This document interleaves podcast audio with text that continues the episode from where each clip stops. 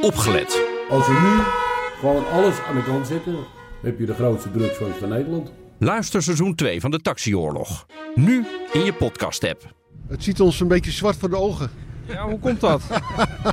Maar dat komt door de zwartgelakte documenten die we allemaal te zien kregen. BNR Werkverkenners wordt mede mogelijk gemaakt door BrainNet. BrainNet voor zorgeloos en professioneel personeel inhuren. BNR Nieuwsradio. Werkverkenners. Rens de Jong. Ze zijn extreem hiërarchisch. Alleen maar bezig met fysieke kracht en staan de hele dag in je oor te brullen als je het niet goed doet. Zomaar wat vooroordelen die ik persoonlijk heb over militairen. Maar ja, wat weet ik ervan af? Ik ben afgekeurd voor de dienstplicht. Praktijk blijkt anders te zijn. En je komt ex-militairen overal tegen in het bedrijfsleven. Wat ik me dan afvraag, zijn zij als leidinggevende heel anders? De meeste militairen zien er gewoon heel netjes uit, eh, goed verzorgd, eh, eh, spreken met u. Eh, dus alleen dat verkoopt al. Eh, maar het zijn geen rambo's. Maar verschillen zijn er zeker. Kleine grappige verschillen. Als ik een vergadering op het eh, hoofdkantoor had die om tien uur begon... dan gebeurde het wel regelmatig dat ik om tien uur de enige was die in het zaaltje zat. Of zoals dat bij ons gaat, vijf voor tien al. Een militair is vijf voor tien op de vergadering. Ja, ja, ja, toch wel. Oh ja. En wat is er nou waar van die opdracht in het leger... dat je eindeloze afstanden moet afleggen te voet... en dat je dan bij de eindbestemming dat beloofde eten helemaal niet krijgt? befaamde voorbeeld van eh, William Mars. Ja. Ja, ik heb er nog eentje van 25 kilometer. Ja, meer dan je lief is dus. Werkverkenners. Om te weten wat je nou precies kunt leren van militairen... gaan we eerst maar eens na bij al die militairen... wat ze zo anders maakt dan gewone burgers. Ik ben Ton Tieland. Na 37 jaar luchtmacht, eh, ruim vijf jaar geleden met ons vroegpensioen eh, gegaan. En nog wel betrokken bij Defensie met wat klussen en projecten en werkgroepjes. Maar ik doe ook aardig wat dingen die helemaal niets met de luchtmacht te maken hebben. En 37 jaar luchtmacht, wat heb je dan gedaan? Ik ben begonnen als ehm, leidinggevende in de bewaking. Onder meer de roerige tachtiger jaren stond ik met een wapenstok in mijn handen bij het hek van, eh, van Volkel. Eh, maar op een gegeven moment despecialiseer je en krijg je wat meer algemene, eh, brede managementfuncties. En mijn ene laatste functie was directeur personeel van de luchtmacht. En mijn laatste functie was plaatsvangend commandant van de luchtmacht. Wat kunnen wij leren van een militair, wij gewone burgers? Best wel veel. Eh, kijk, militairen zijn een beetje een open deur, natuurlijk gewone mensen. die in staat zijn om bijzondere dingen te doen. En om te zorgen dat ze die bijzondere dingen kunnen doen, krijg je een bepaalde opleiding. En bij die opleiding hoort ook een bepaalde eh, attitude. En eh, ja, die wordt er wel zo ingesleten dat die ook niet meer, niet meer weggaat. En wat is die attitude dan? Nou, dat betekent dat je doelgericht bent. Dat betekent dat je eh, flexibel eh, bent. We zijn doorzetters. We hebben natuurlijk allemaal in onze beginopleiding geleerd eh, om om te gaan met, met tegenvallers. Het eten is er toch niet. Het is toch 10 kilometer extra. En, noem allemaal maar op wat erbij kan, kan.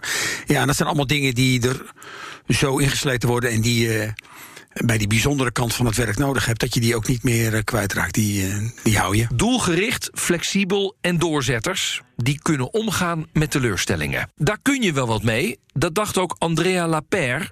Zij detacheert al zes jaar met haar bedrijf Stratego. Dat is inderdaad een grappige naam. Oud-militairen naar het bedrijfsleven.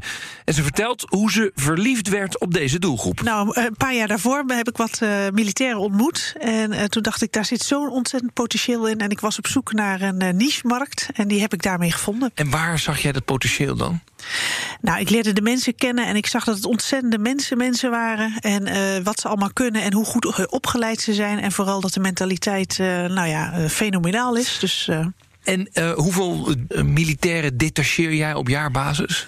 Nou, ik denk dat ik in een jaar 120 mensen eh, bemiddel. En daar zitten detacheringscontracten bij, maar er zitten ook werving- en selectieopdrachten bij.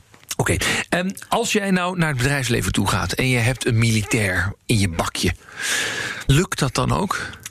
Nou, ik heb soms wat overredingskracht nodig en zeg probeer het nou eens. Maar vaak als ik eenmaal een militair geplaatst heb, dan komen ze regelmatig terug en zeggen van niet eh, geweten dat het zo'n leuke mensen waren. Heb je er nog meer? Ja, ja. Maar, want wat zijn dan die unieke eh, eigenschappen?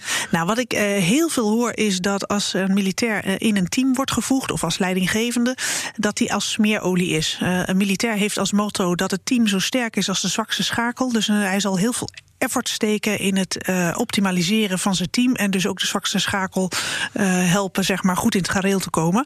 En dat wordt in het bedrijfsleven ervaren als zijnde eh, een quick win, waar- waardoor het eigenlijk heel snel op een afdeling of zo weer beter gaat. Ja, nou, vraag me dus af, hè, wat heeft dan een burger niet wat een militair wel heeft?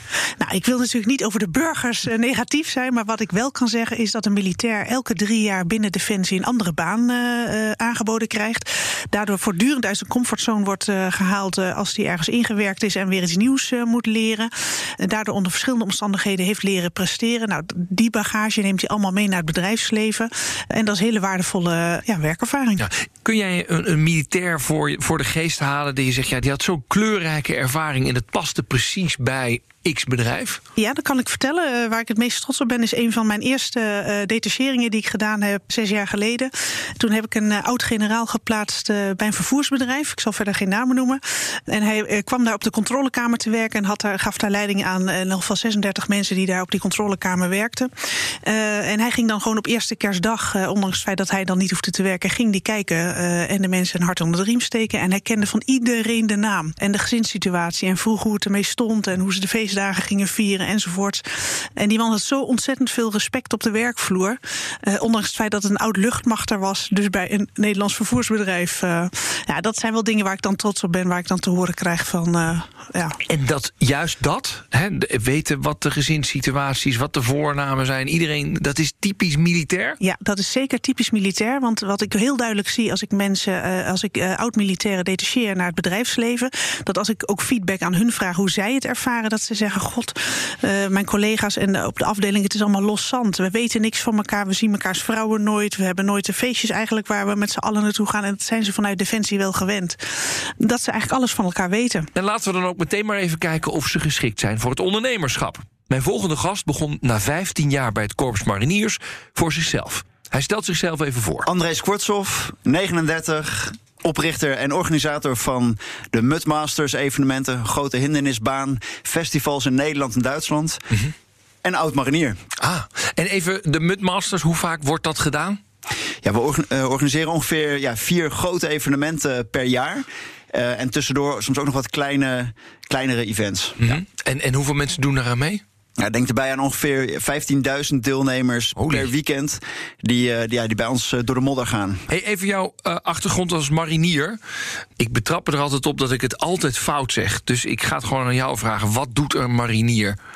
Ja, marinier wordt inderdaad vaak verward met ja, ander marinepersoneel van de vloot. De Koninklijke Marine bestaat eigenlijk uit de, de varende en vliegende marine, om het zo maar te zeggen. En je hebt ook de eenheid, het Korps Mariniers. En dat zijn eigenlijk ja, de, de zeesoldaten van, eh, van Michiel de Ruiter van vroeger, zeg maar. Die, maar die worden dus ook op land ingezet. eh, denk daarbij missies in eh, Afghanistan, Irak.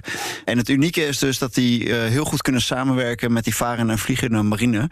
Waardoor, ehm, waardoor ze eigenlijk bij de marine zitten. Ja. En ben je uitgezonden? Ja, ja ik, ben, eh, ik ben naar Irak uitgezonden. Dat was een periode van, eh, van een kleine vijf maanden. Ja. Ja. Wat ik me dan afvraag, wat heeft het leger dat een gewone opleiding of werkervaring niet heeft? Ja, ik denk wat wel fair is om te zeggen, is dat, dat het een soort assessment is. Waarbij je heel vaak jezelf tegenkomt. Je, je, je hebt een zware opleiding. Eh, ik denk dat je daar heel goed leert wat doorzettingsvermogen is. Daarbij ook relativeren. Want ja, de omstandigheden zijn eh, in die opleiding en, en trainingen best wel vaak eh, pittig. Je leert ook heel goed eh, in een team werken, een teambuilding. eh, samen voor hetzelfde doel gaan. met mensen werken. Dat zijn wel een, wel een aantal Ja. met, met druk omgaan. Ja. Dat, dat zijn wel, wel, wel zaken waar je aan blootgesteld wordt. Ik heb elke keer het idee dat jullie dan worden blootgesteld aan een training. En dan wordt er op een gegeven moment wordt er gezegd: Nou, straks bij dat controlepunt, dan krijg je eten. En dan kom je daar en dan. Oh nee, je krijgt geen eten. Ja, ja. Eh, Kun je mij dat uitleggen hoe dat precies werkt? Ja, dat, dat komt voor in opleiding en training, maar, ook, maar in het echt ook. En dat is denk ik ook de reden eh, dat het gebeurt. Maar geef eens een voorbeeld van hoe, Ja. hoe dat dan gebeurt. Ja, ja nou, inderdaad. In een opleiding krijg jij eh, een opdracht om een bepaalde route te volgen en voor een bepaald tijdstip ergens te zijn. kom je daar heel blij aan van ik heb het gehaald, ik ben hier op tijd. Ja, en vervolgens staat daar niet uh, de helikopter om jou vervolgens verder te brengen, maar krijg jij het berichtje van ja, je moet nog even 20 kilometer verder zijn, want de helikopter is stuk of die heeft een andere prioriteit. Maar dat gebeurt in het echt ook. Dus ik, ik denk dat. Uh, ja, heb je dat in Irak bijvoorbeeld ook echt meegemaakt? Het, dus ik denk, oh, ik moet deze kant op. Oh nee, shit, we moeten nog een keer door. Of... Ja, ja het, kan, het, het, het kan zijn uh, ja, dat, dat plannen veranderen. En, en dat bepaalde assets, uh, of het nou een helikopter is of een ander vervoermiddel, een andere prioriteit heeft krijgen. En, en dan zal je toch door moeten met je opdracht. En ja, dan schiet het niet op als je met z'n allen te lang blijft hangen in de teleurstelling. Heb je dat, dat heb je moeten leren? Of was dat al vanzelfsprekend? Bij jou dat je elke keer een soort opgerolde mouwen mentaliteit had van, oh ja, dan lopen we toch even 20 kilometer door?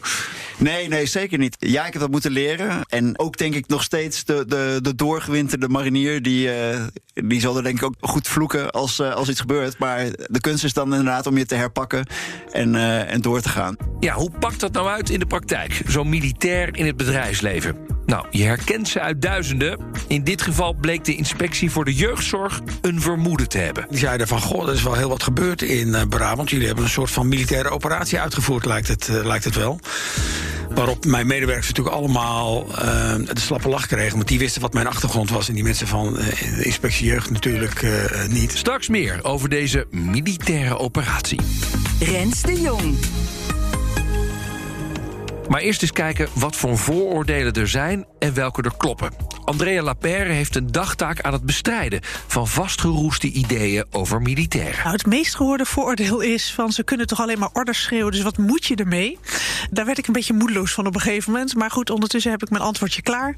Het is zo dat die militair best wel veel uh, werkervaring meebrengt en uh, heel goed met mensen kan omgaan, goed leiding kan geven, maar ook goed leiding kan uh, ontvangen. En daarmee probeer ik eigenlijk dan zeg maar het vooroordeel een beetje weg te nemen. Iemand heeft een keer tegen mij gezegd, en ik vind dat een hele leuke uitspraak. Als het loodgehalte in de lucht erg hoog is, als er geschoten wordt, dan moeten natuurlijk orders opgevolgd worden en ook orders gegeven worden dat iedereen dezelfde kant op rent. Maar uh, defensie is uh, in het dagelijks leven gewoon een, een, een heel grote uh, en ook wel een beetje bureaucratisch bedrijf. Dan komen de mensen bovendrijven die heel goed intern politiek kunnen voeren, die weten hoe de hazen lopen enzovoort. Dus eigenlijk kan ik daarmee aantonen dat naast het feit dat ze orders kunnen geven en ook ontvangen, dat ze ook heel creatief kunnen zijn in hun oplossingen om dingen te bereiken. Ja, um, het is wel een heel sterk hiërarchische organisatie, toch? Uh, ja, binnen Defensie wel. Ja, maar soms kom je dan bij een burger in de burgermaatschappij. Ja. En dan moeten we juist af en toe gewoon ook de baas tegenspreken. En ja. zeggen: Nou, baas, wacht even, je moet het anders doen. Ja. En dan denk ik bij mezelf: dat heeft een militair nooit geleerd. Nou ja, dat is dus zo'n voordeel dat die militair geen weerwoord heeft. Uh, het zijn gewoon Nederlandse mensen met een weerwoord. Alleen op, op het moment dat alle uh, argumenten zijn besproken en afgewogen, dan is er een besluit genomen en dan zal het ook worden uitgevoerd. En dat is in, in het bedrijfsleven. En dan kan ik een voorbeeld aangeven in de zorg. Mm -hmm. uh, ik heb twee mensen in de zorg gedetacheerd. En uh, toen had men ook zo zijn bedenkingen. Wat, moeten, uh, wat moeten militairen in de zorg, in zo'n vrouwenomgeving? Wat je dan ziet is dat op het moment dat er een besluit geno genomen wordt, daar is dan heel lang over gesproken. Dan wil die militaire in zijn leidinggevende functie dat in uitvoering brengen. En de dag daarna had iemand een nieuw argument bedacht. En die kwam en die zei: Ja, we moeten eigenlijk de hele besluitvorming overnieuw doen, want ik heb een nieuw argument. En dan is die militair wel zover dat die zegt: Nou, ik heb jullie allemaal meegenomen in het besluit. We hebben alles afgewogen. Dit is het besluit. We gaan nu wel tot uitvoering over in plaats van weer verder te polderen. Ander ding. In het leger is natuurlijk heel veel budget. Kijk maar naar die schepen en die vliegtuigen, et cetera. En soms zit je in een organisatie waar je wel weinig budget hebt... en waar je heel creatief moet zijn met middelen. Dan denk je bij jezelf, ja, dat kan zo'n militair niet. Nou, ook dat is een voordeel, want uh, de laatste paar jaren had Defensie natuurlijk helemaal niet zoveel budget. Dus dan moest er vaak, als men iets wilde bereiken, want de doelen waren nog steeds wel ambitieus bij Defensie, maar de middelen waren er niet. Er zijn heel veel initiatieven vanuit Defensie gestart van militairen die heel creatief waren, die de samenwerking met bedrijfsleven hebben opgezocht om uh, toch dingen te realiseren of samen te ontwikkelen. Dus ik denk dat de militair bij uitstek, en zeker de militairen die nu afzwaaien, de laatste 15, 20 jaar geleerd hebben hoe ze met heel weinig geld toch veel zouden kunnen bereiken. En waar zie jij die creativiteit? Geef eens een voorbeeld. Nou, in welke, welke eh, samenwerkingen ze zoeken, met welke bedrijven en welke oplossingen bedacht worden, dat met gesloten portemonnee toch kan worden gewerkt aan oplossingen waar Defensie behoefte aan heeft. Toch nog even checken bij André Skwortsov of dat leidinggeven niet heel erg van bovenaf naar beneden gericht is. Als marinier ben je wel getraind om op een bepaalde manier leiding te geven. En die is volgens mij toch redelijk um, nou, hiërarchisch uiteindelijk. Hè, jongens, uh, ik, ik sta in rang boven jou, dus we gaan weer marcheren. Um, en ik kan me voorstellen dat een burger dat toch uh, af en toe een beetje blauw vindt, zeg maar. Die denkt zo, dat is een partijtje rechtlijnig, die gast. Ja, ja, die burgers toch, die burgers toch. Ja, nee, ik denk bij, dat, dat er bij Defensie heel veel verschillende uh, leiderschapsstijlen te ontdekken zijn. Kijk, aan de ene kant is het denk ik ook, ook wel weer universeel. Als je een organisatie hebt met een hele grote groep mensen... Mm -hmm. ja, dan moet je best wel rechtlijnig zijn, denk ik. Wil je dat een bepaalde boodschap overkomt? Of wil je dat er inderdaad bergen verzet worden met z'n allen. Dan, ja. dan, dan is er geen ruimte voor. Om maar heb jij ooit een keer, uh, laten we zeggen, de feedback gehad van nou, iets empathischer mag wel? Ja, ik heb, ik heb die feedback uh, wel eens gehad. Maar aan de andere kant denk ik ook dat. Um, dus ook bij, bij Defensie heb je verschillende soorten leiderschapsstijlen. Aan de ene kant, als je met een hele grote groep werkt. Maar als je in kleine teams werkt, heel zelfstandig. Ja, en, je, en je hebt dat hele team ook nodig. Stel je moet met, met, met vier of met, met tien mensen heel zelfstandig een opdracht ergens uitvoeren. Ja, dan is er van het hele rechtlijnige geen sprake. Dan wordt er echt overlegd. Dan kan iedereen meedenken. En wat dat betreft lijkt dat denk ik best wel op, ik noem het maar een burgerteam. Dus, dus het is denk ik niet waar dat bij Defensie alleen maar heel directief leiding wordt gegeven. En hoe zat dat met Tom Tieland? Hij kwam van de luchtmacht in de jeugdzorg terecht en merkte daar dat hij bijvoorbeeld de enige was die op tijd kwam bij een vergadering. Omdat daar toch een beetje de mores was dat als om tien uur een vergadering begint, dan realiseer je om tien uur dat je om tien uur een vergadering hebt, ga je spullen bij elkaar en dan druppelen mensen binnen. En daar is niks mis mee als je dat allemaal doet. Maar voor, voor mij was dat wel even wennen. Ja. Ik heb in mijn regio wel gezegd van... Uh, lieve mensen, de komende acht maanden is, is uh, als om tien uur vergaderen wel gewoon tien uur. Ja. Uh, en wat vonden ze daarvan? Ja, uiteindelijk, als je het uitlegt vinden de meeste mensen structuur helemaal niet vervelend. Ik zie je met een enorme glimlach om je mond, zeg ja, je dit ja, namelijk. Ja, Waarom? Nee, het werkte. Ja. Het werkt. Ja. Nou, we hebben het over vooroordelen die wij als gewone burgers over militairen hebben. Maar hoe zit het andersom met de militaire verwachtingen van het bedrijfsleven? Wat ik echt fantastisch vond bij, bij Defensie, bij de mariniers, uh, ja, was echt een, echt een ja, ongekend niveau van ja, kameraadschap. Iedereen die. De neuzen zijn wel echt dezelfde kant op. Ja. Hebben ook een uh, bepaalde humor en uh, hele, hele goede werksfeer. Uh, ja, dat heb ik nu ook in mijn team, alleen op veel kleinere schaal. Ja, ja. Mis je dat kameraadschap een beetje? Ja, ik denk bepaalde unieke ervaringen die je dan met elkaar hebt. Ja, dat, dat is denk ik wel iets waar. ja, of ik dat nou mis of ik er, dat gewoon zie als een hele, hele mooie herinnering. Mm -hmm. Uh, ja, dat, uh, dat is wel echt een uniek element. Ja, dat, dat vind je niet zo snel terug in het bedrijfsleven.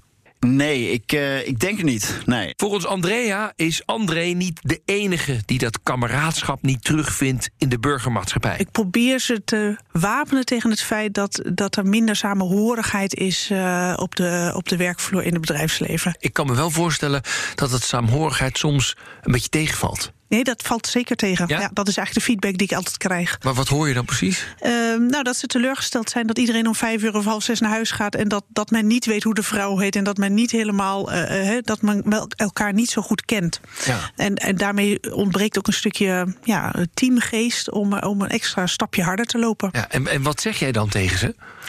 Ja, dat, het is helaas zo. Dus ik probeer ze alleen maar te waarschuwen. Want dat dat in het bedrijfsleven toch wel echt heel anders is dan zij gewend zijn binnen Defensie. Goed, we hebben die oud-militairen inmiddels een beetje leren kennen. Flexibele doorpakkers met een enorm teamgevoel. Waar komen die nou terecht in het bedrijfsleven? Grotendeels uh, help ik ze op speelfuncties uh, terechtkomen. Daar waar uh, lijnmanagers gevraagd worden voor afdelingen die niet lekker lopen. Of waar snel resultaten geboekt moeten worden. daar zijn ze bij uitstek geschikt voor. Maar goed, ik heb ook monteurs en ik heb ook een programmamanager rondlopen. Dus het is, het is heel divers. Ik heb wel het gevoel dat het hele operationele types zijn. Of, of is dat een vooroordeel? Nou, daar ben ik het deels inderdaad mee eens. Uh, wat een militair kan, is uh, van strategie uh, een uitrol maken naar heel operationeel takenpakket. als een militair weet wat de visie, visie, is van een bedrijf en de missie, dan kan hij dat vertalen in zeg maar takenpakketten van, van zijn mensen of zijn team. Ja. En die omslag of die slag maken van strategisch denken naar operationeel uitvoeren, daar zijn ze bij uitstek zeer geschikt voor. Maar ik zie ze niet zo snel op de marketing bijvoorbeeld. Ehm, of op de sales. Nou, op de sales ben ik het met je eens. Al, al ken ik daar ook wat voorbeelden uh, van, uh, van zeer succesvolle mensen uh, in de sales. Ja. maar business development management zie ik ze dan weer wel heel veel doen. En dat is weer die creativiteit waar ik net aan refereerde. Van slim nadenken welke partij je aan tafel moet krijgen om bepaalde dingen gedaan te krijgen. Ton Tieland werd gevraagd om een jeugdzorgorganisatie in Zuid-Nederland vlot te trekken in moeilijke tijden. En ik vroeg hem hoe je in zijn manier van werken de militair kunt herkennen. Kijk, militairen, zeker als je een beetje carrière maakt zijn gewend om uh, heel regelmatig van functie te wisselen. Om de twee, drie jaar krijg je een andere baan. En na een week ben je ervan. Dat betekent dat wij heel erg gewend zijn om ons zaken snel eigen te maken. Mm -hmm. Snel te begrijpen waar het over gaat. En, en dan gewoon aan de gang te gaan. Ja. Nou, dat helpt. Uh, maar hoe je... werkte dat dan bij de jeugdzorg? Jij komt daar aan bij de jeugdzorg. Ja, Nog ja. nooit, niet eens verstand van waarschijnlijk? Uh, nee, nee, ik wist er uh, eigenlijk helemaal niets van. Maar goed, dat betekent in het begin even goed lezen, je inwerken. Veel met mensen praten, goed luisteren. Snel inschatten wat er de komende periode van je gevraagd wordt en, en gaan. Mm -hmm. En uh, ja, hoe dat dan werkt. Ik weet zeker dat er mensen waren toen ik daar binnenkwam. die zoiets hadden van: God, wat moeten we nou met zo'n uh, militair? En uh, heel veel mensen hadden na drie weken of vier weken. Eigenlijk helemaal niet meer door dat ik ergens anders vandaan kwam. en dachten dat ik al jaren in de jeugdzorg zat. En, en dat is niet zozeer mijn verdienste, maar dat, dat is een verdienste van een achtergrond, ja. denk ik. Wat, wat doe jij dan echt anders? Want gewoon het inlezen, ja, dat vind ik logisch als je Ja. een nieuwe baan begint. Een beetje praten met mensen klinkt mij ook best wel Ja. logisch in de oren, Ton. Ja, ja, nee, dat is ook geen rocket science. Maar om er snel wat mee te doen en snel aan de gang te gaan... op grond van de informatie die je bij elkaar gegaard hebt... eh, doelen uit te zetten en, en te handelen... Ja, dat, dat doelgerichte, dat is wel typisch militair, denk Ja, ik. ja. Eh, Dus na drie weken kon jij al gewoon beslissingen nemen. Zeker, ja, na twee al wel, denk ik. Ja, ja. Oké. Mer- Merkten mensen dat ook om jou heen? Die, die, kreeg je Ja. die feedback dan ook? Ja, nou, het was op die, in die periode een hele onrustige tijd in, eh, in de jeugdzorg, omdat budgetten van de jeugdzorg naar de gemeentes eh, gingen. Ehm, dus het was een hele onrustige periode. En eh, nou ja, eh, vanuit Defensie kennen we dat wel, onrustige periodes. En ook budget snijden is jullie niet dat- ongewoon. precies, ja, ja, nee, dus dat was wel een beetje thuiskomen. Ehm, maar wat ik gedaan heb in Zuid-Nederland, en dat kenden ze eigenlijk niet zo, toch in die acht maanden zeker vier keer alle mensen in Zuid-Nederland die eh, hun werk doorgaans vanuit huis doen en af en toe bij elkaar komen met hun, eh, hun manager. Eh, die heb ik denk ik wel vier keer allemaal bij elkaar geroepen om. zoals we het als militair dan doen, op de zeepkist te gaan staan. Om te vertellen wat er allemaal speelde en wat voor gevolgen dat voor hun had. En dat dus niet alleen via overigens hartstikke competente eh, tussenmanagers te doen, maar ze gewoon bij elkaar te halen en eh, te vertellen wat mijn kijk op hun wereld eh, was. En, eh, en ik, ik kom nog wel eens mensen van die periode tegen. Die hebben dat wel erg op prijs gesteld. Maar dat is voor militairen is dat een, eh, een, een no-brainer, zou ik maar zeggen. Dat, dat zijn we zo gewend om te doen. En hoe zat het nou met die inspectie die zijn werk als een militaire operatie omschreef? Later bij de koffie heb ik dat uitgelegd. eh, Waarom iedereen nou zo moest lachen. Ja. We hadden er ook een soort van militaire operatie van. Maar wat is het dan, want dat ben ik dan benieuwd naar. Wat is het dan anders? Weet je, hoe pak je de jeugdzorg dan militair aan? Want dat Ja. is wat jij dat doet. Ja, wat het militaire was van eh, een klein team bij elkaar halen... waar je alle expertise in hebt zitten. Zeggen van hoe kunnen we dit goed, effectief eh, en slim doen. Klein team dus? Ja, klein team, plan maken en gaan. Ja. En, en, en de normale eh, gang van zaken in de zorg was? Ja, ik denk dat ze er langer over gesproken hadden. Ja, ja. ja, ja. En je moet wel naar iedereen luisteren, maar op een gegeven moment moet je gewoon gaan. Ja. Eh, en, en dat is wel typisch iets van ons, denk ik. Weer even terug naar ondernemer André. Mudmasters was er zonder zijn militaire achtergrond zeker niet geweest, zegt hij. Er zijn best wel veel parallellen tussen eh, ja, grote evenementen organiseren en militaire operaties of oefeningen. Uh, ja, het is gewoon een hele, hele grote operatie met veel bewegende delen, veel mensen. Maar ook die teleurstellingen, ook met die teleurstellingen omgaan. Ja, ja. Geef eens voorbeeld. Ook bij, ook bij Mudmasters hebben we ja, regelmatig teleurstellingen of een beetje een eufemisme. Productieverrassingen noemen we dat dan. dus dan uh, ja, moet je voorstellen dat, uh, ja, dat in één keer het weer omslaat. En dat dan uh, de tijdlijn iets opschuift. Dus waar je dacht om acht uur s avonds klaar te zijn, schuift het in één keer op tot drie uur s'nachts. Want dan is in één keer de wind gaan liggen en kun je pas de opbouw van het parcours afmaken, bijvoorbeeld. Ja, ja. Hey, wat heb je niet geleerd?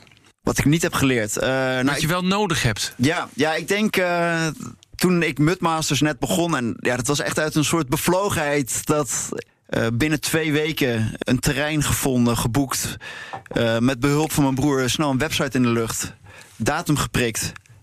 Ja, en toen shit, eigenlijk moet ik alles nog regelen en heb ik helemaal geen zakelijke ervaring. Uh, hoe werkt dat met leveranciers, met, met onderhandelen, marketing? Ja, wat is dat eigenlijk? En, um, Je was van operationeel hartstikke goed, maar, maar de, de rest eigenlijk niet. Nee, eh, de rest moest ik echt bij, bij nul uh, beginnen, inderdaad. Ja. En um, ja, dus dat was een hele steile, steile leercurve. En ja, eigenlijk, eigenlijk ja, ik, leer, ik leer nog steeds elke dag, maar die, die leercurve was, was die eerste, eerste paar jaar wel heel erg, uh, heel erg stel. Dus, dus dat, had, dat had ik allemaal inderdaad uh, niet meegekregen bij Defensie. En André wil nog één ding bekennen. Ja, ik moet eerlijk zeggen, uh, tijdens de eerste, eerste maanden, of eerste jaren eigenlijk wel van Mudmasters, heb ik af en toe de ja, misschien wel de, de zakelijke onbekendheid, misschien de, het financiële risico.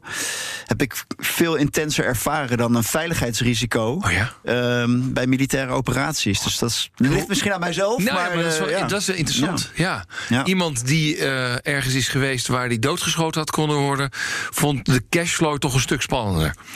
Ja, ja, dat, dat, klinkt heel raar, maar uh, ja, ik heb het echt veel, veel intenser en wat, ervaren. wat was ja. daar dan zo spannend aan? Ja, ik denk ja, achteruitkijkend uh, dat, ja, dat ik zo all-in ben gegaan uh, voor Mudmasters. Het was een hele rare energie in mij die zei: Dit moet gebeuren, anders eindigt alles. Natuurlijk slaat het helemaal nergens op, maar ik had dat gevoel wel. En dus voor mijn gevoel hing er ongelooflijk veel van af. Relativeerde ik dat dus ook niet op dat moment. Dus ik dacht ook van ja, als er ergens een een zakelijke bedreiging was, ja, ervaarde ik dat eigenlijk als een soort uh, bedreiging op de universe. Bijna. Ja, existentiële ja. bedreiging. Ja, ja. En hoe, wat dat is nou interessant, hè? Dus hoe je ziet zo'n zakelijke bedreiging. Hoe ga jij daar dan als oud militair mee om?